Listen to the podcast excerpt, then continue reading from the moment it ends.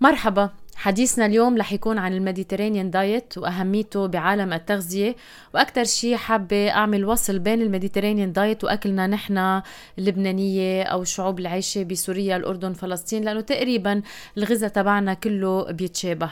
قد إيه نحن ما بنعرف إذا بدكم قيمة التغذية والغذاء تبعنا.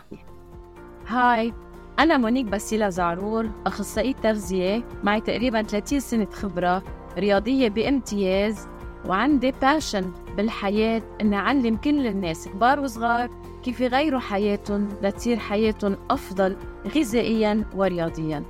إذا عن جد ما بتعرفوا كيف تبلشوا ما بتعرفوا شو تعملوا حتى تصيروا تاكلوا بطريقة مزبوطة وتقدروا تلحقوا تعملوا رياضة بطريقة ممتازة وحلوة وتعشقوا هالشي احكوني أنا بقدر ساعدكم.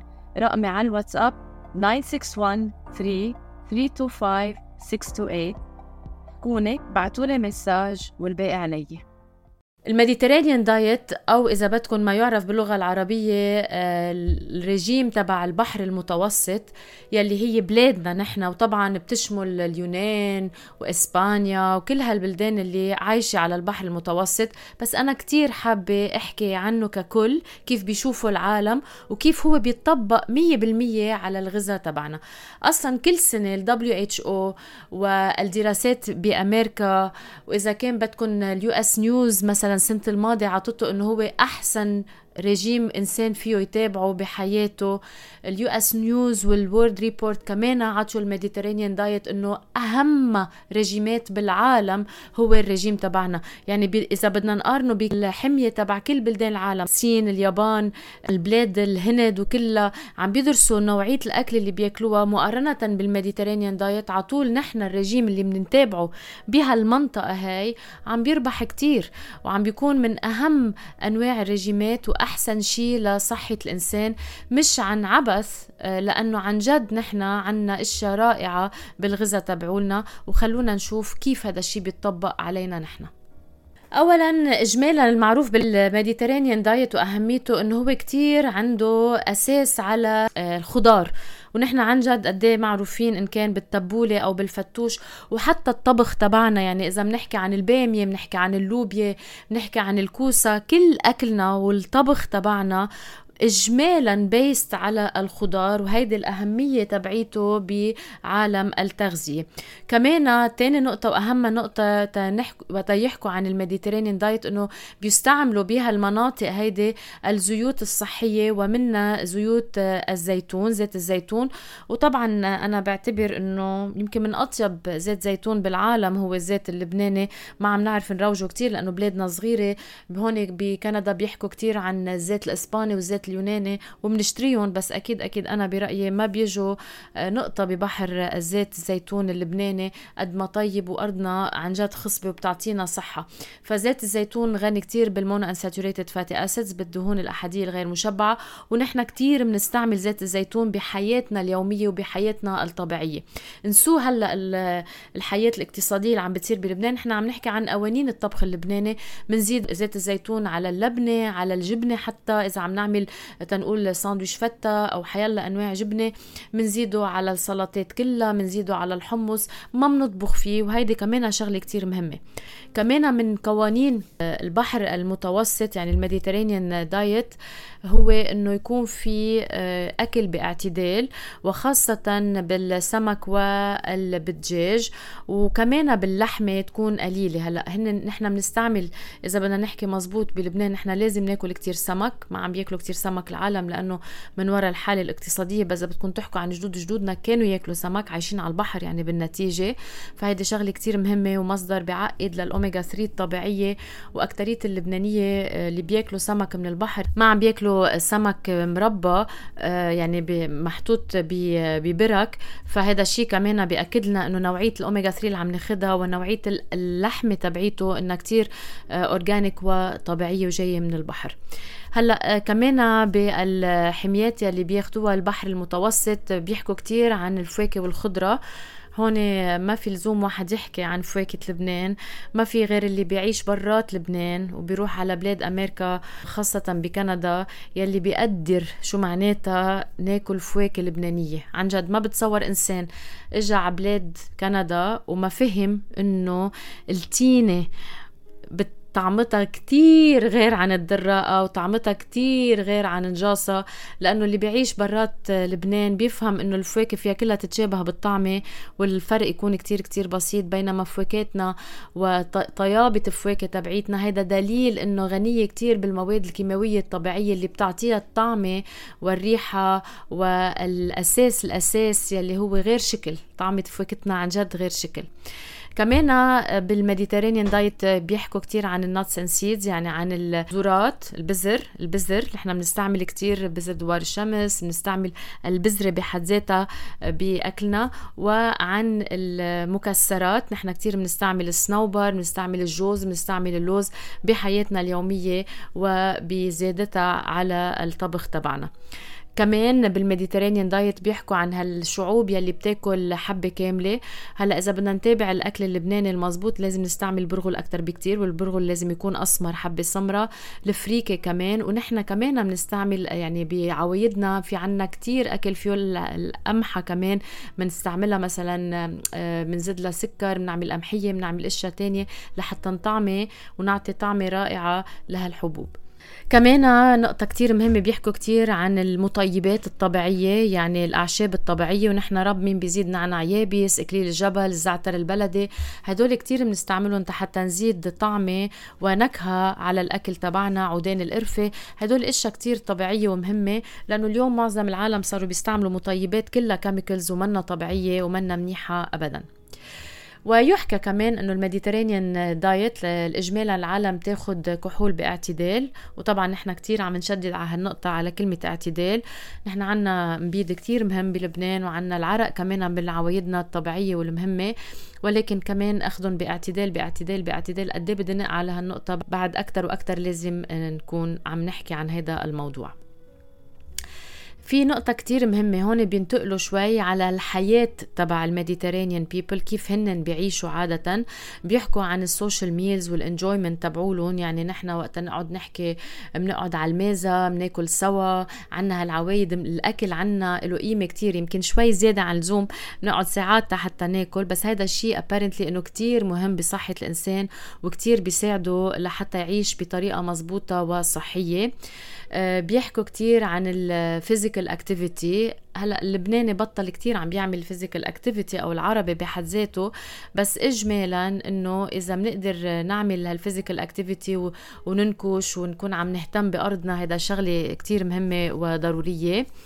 بيحكوا عن ال mindful eating يعني بيطلبوا من العالم إنه ياكلوا على رواق وإنه هيدي الشعوب اجمالا بتاكل بطريقة مزبوطة بيقعدوا على الطاولة وبيصبوا بطريقة قليلة ما بياكلوا بكمية كتير كبيرة ومزبوط إنه آه، يمكن ما كتير توافقوني الرأي بس وقتها تعيشوا برات آه، لبنان وتشوفوا مثلا ال portionات بأمريكا خاصة قد إيه ال portion كبيرة بنفهم إنه لا نحن بعدنا أحسن بكتير من غير من غير بلدان بعدنا بناكل بكمية قليلة. قليلة وإن شاء الله يا رب نضلنا هون ما نصير نقلدهم لأنه صار في competition كتير بأمريكا بالمطاعم إنه مين بيعطي أكثر ومين بيطعمي أكثر وهيدي الشغلة كتير كتير عم بتأدي لنصاحة ولأمراض متعددة. وبيحكوا كتير إنه كمان هيدي الشعوب العايشة حد بحر المتوسط بعدها بتطبخ ببيتها.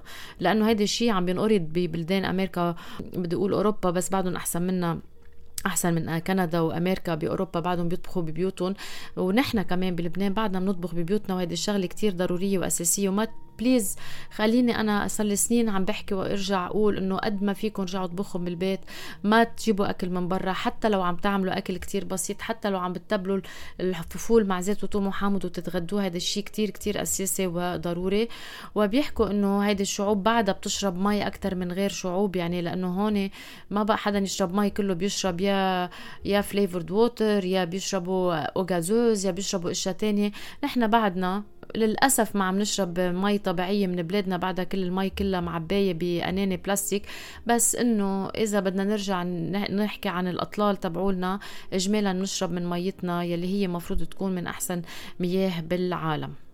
أهمية ال Mediterranean diet كتير. يعني قد ما أحكي لكم عنها ما فيني أخبركم الدراسات اللي بتنعمل انعمل في دراسة اسمها Pre PREDIMED study يلي هي prevención con dieta mediterránea يعني معمولة ليحكوا قد إيه إنه الإنسان اللي بيتابع ال Mediterranean diet عنده risk أقل يصير عنده مشاكل قلب آه، جلطات واجمالا بيموتوا أقل من غيرهم. هلأ نحن بدنا نحكي هون عم نحكي بطبيعة العالم اللي عايشة ببلاد حضارية ومنيحة هون عم ننتقل على الدراسات اللي انعملت باليونان بإسبانيا.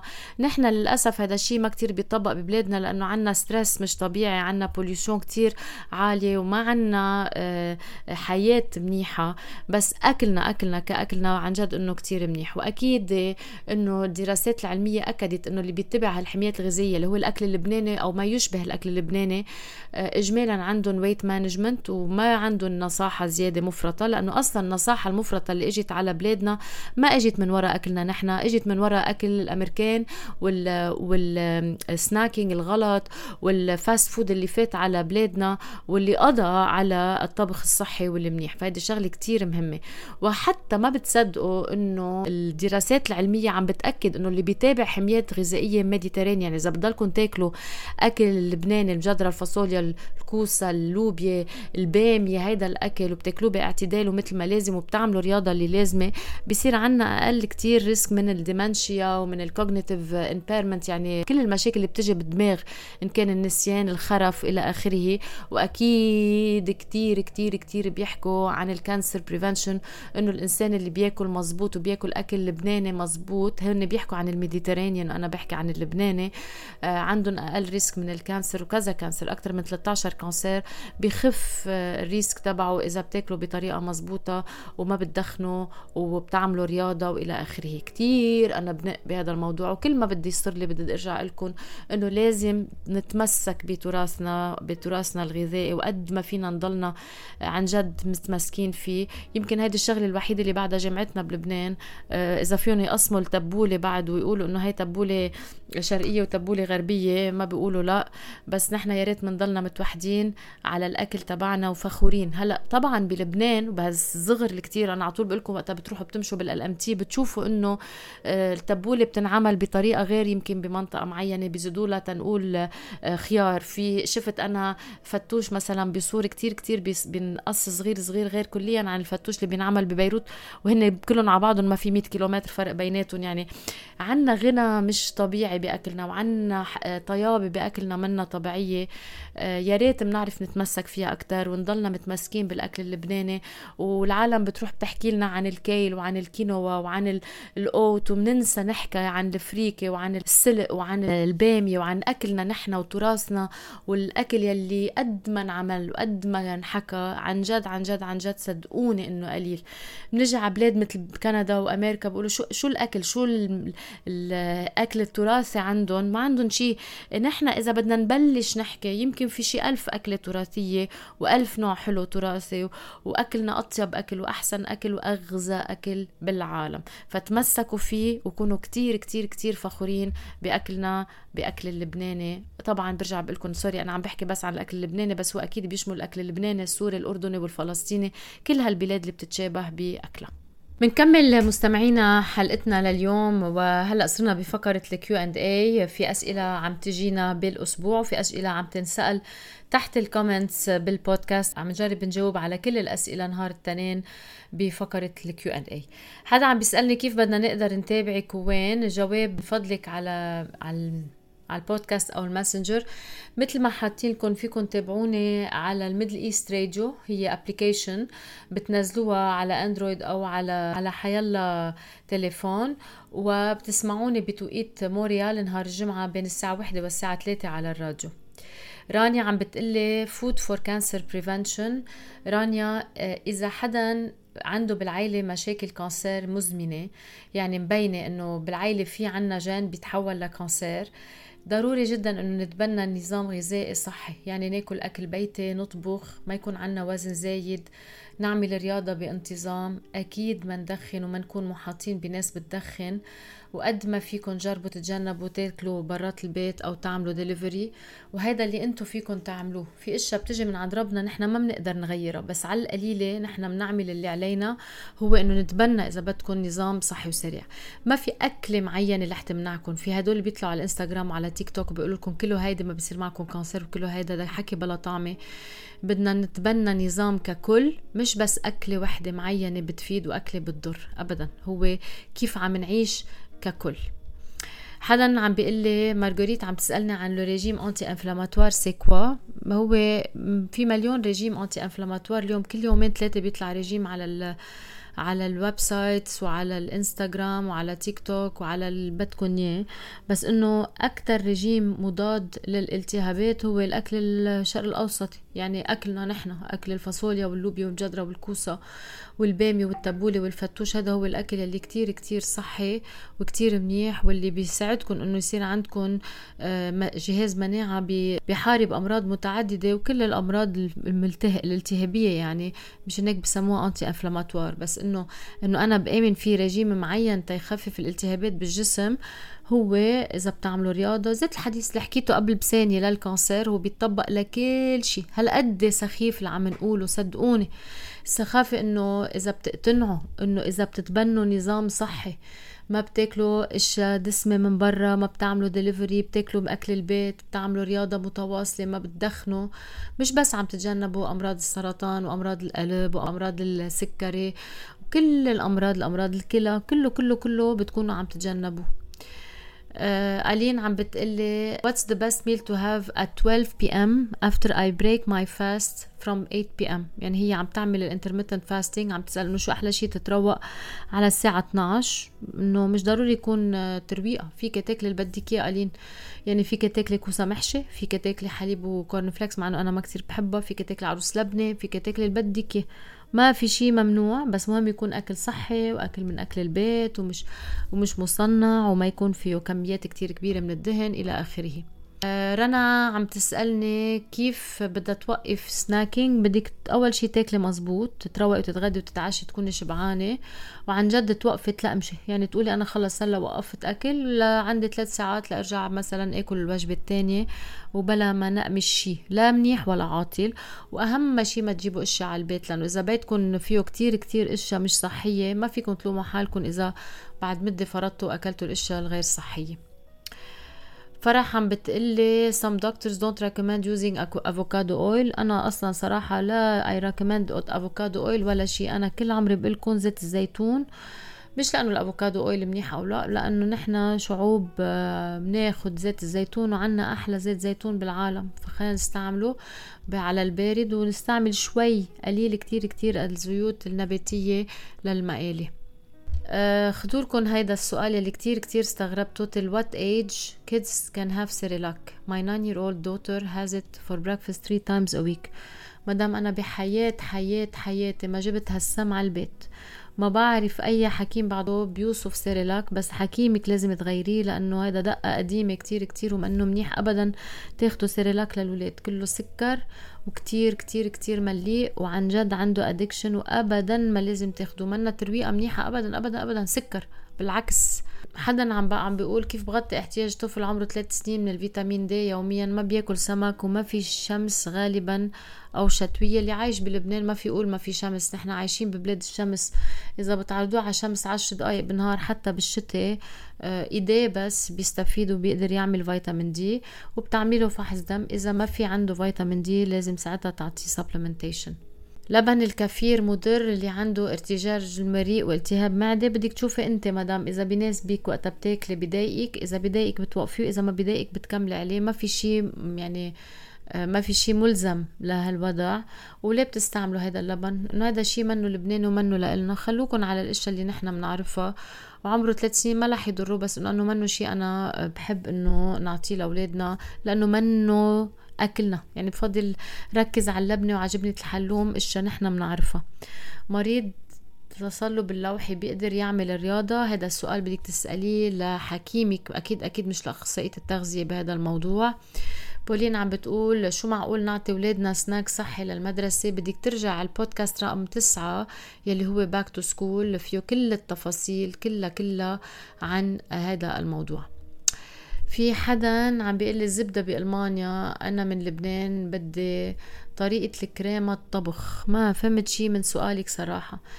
الزبدة كلها منا منيحة إن كانت من ألمانيا أو من اليونان أو من لبنان إنه هيدي دهون إجمالا مشبعة. وحتى لو هي كانت زيوت مهدرجة كمان منا منيحة بتعلي نسبة الكوليسترول بالدم حتى لو هي ما فيها كوليسترول. ال canola oil منه منه عاطل أنا بنوع يعني بس يخلص قنينه لأنه قنينه بجيب مش جالونات قنينه canola برجع بعمل قنينه زيت الذرة برجع بعمل قنينه زيت دوار الشمس يعني كل ما تخلص قنينه بجيب قنينه زيادة علما إنه بستعمل كمية كتير كتير كتير قليلة بالطبخ. رح قلكم إنه خلص البودكاست لهالأسبوع ميرسي كتير لمتابعتكم ما تنسوا تعملوا لنا rating ما تنسوا تعملوا له share إذا عجبكم. وقد ما فيكم تعطونا فيدباك حتى نحن نقدر نتواصل معكم على طول ونقدر نأملكم كل المعلومات الصحيحة بعالم التغذية. Love you.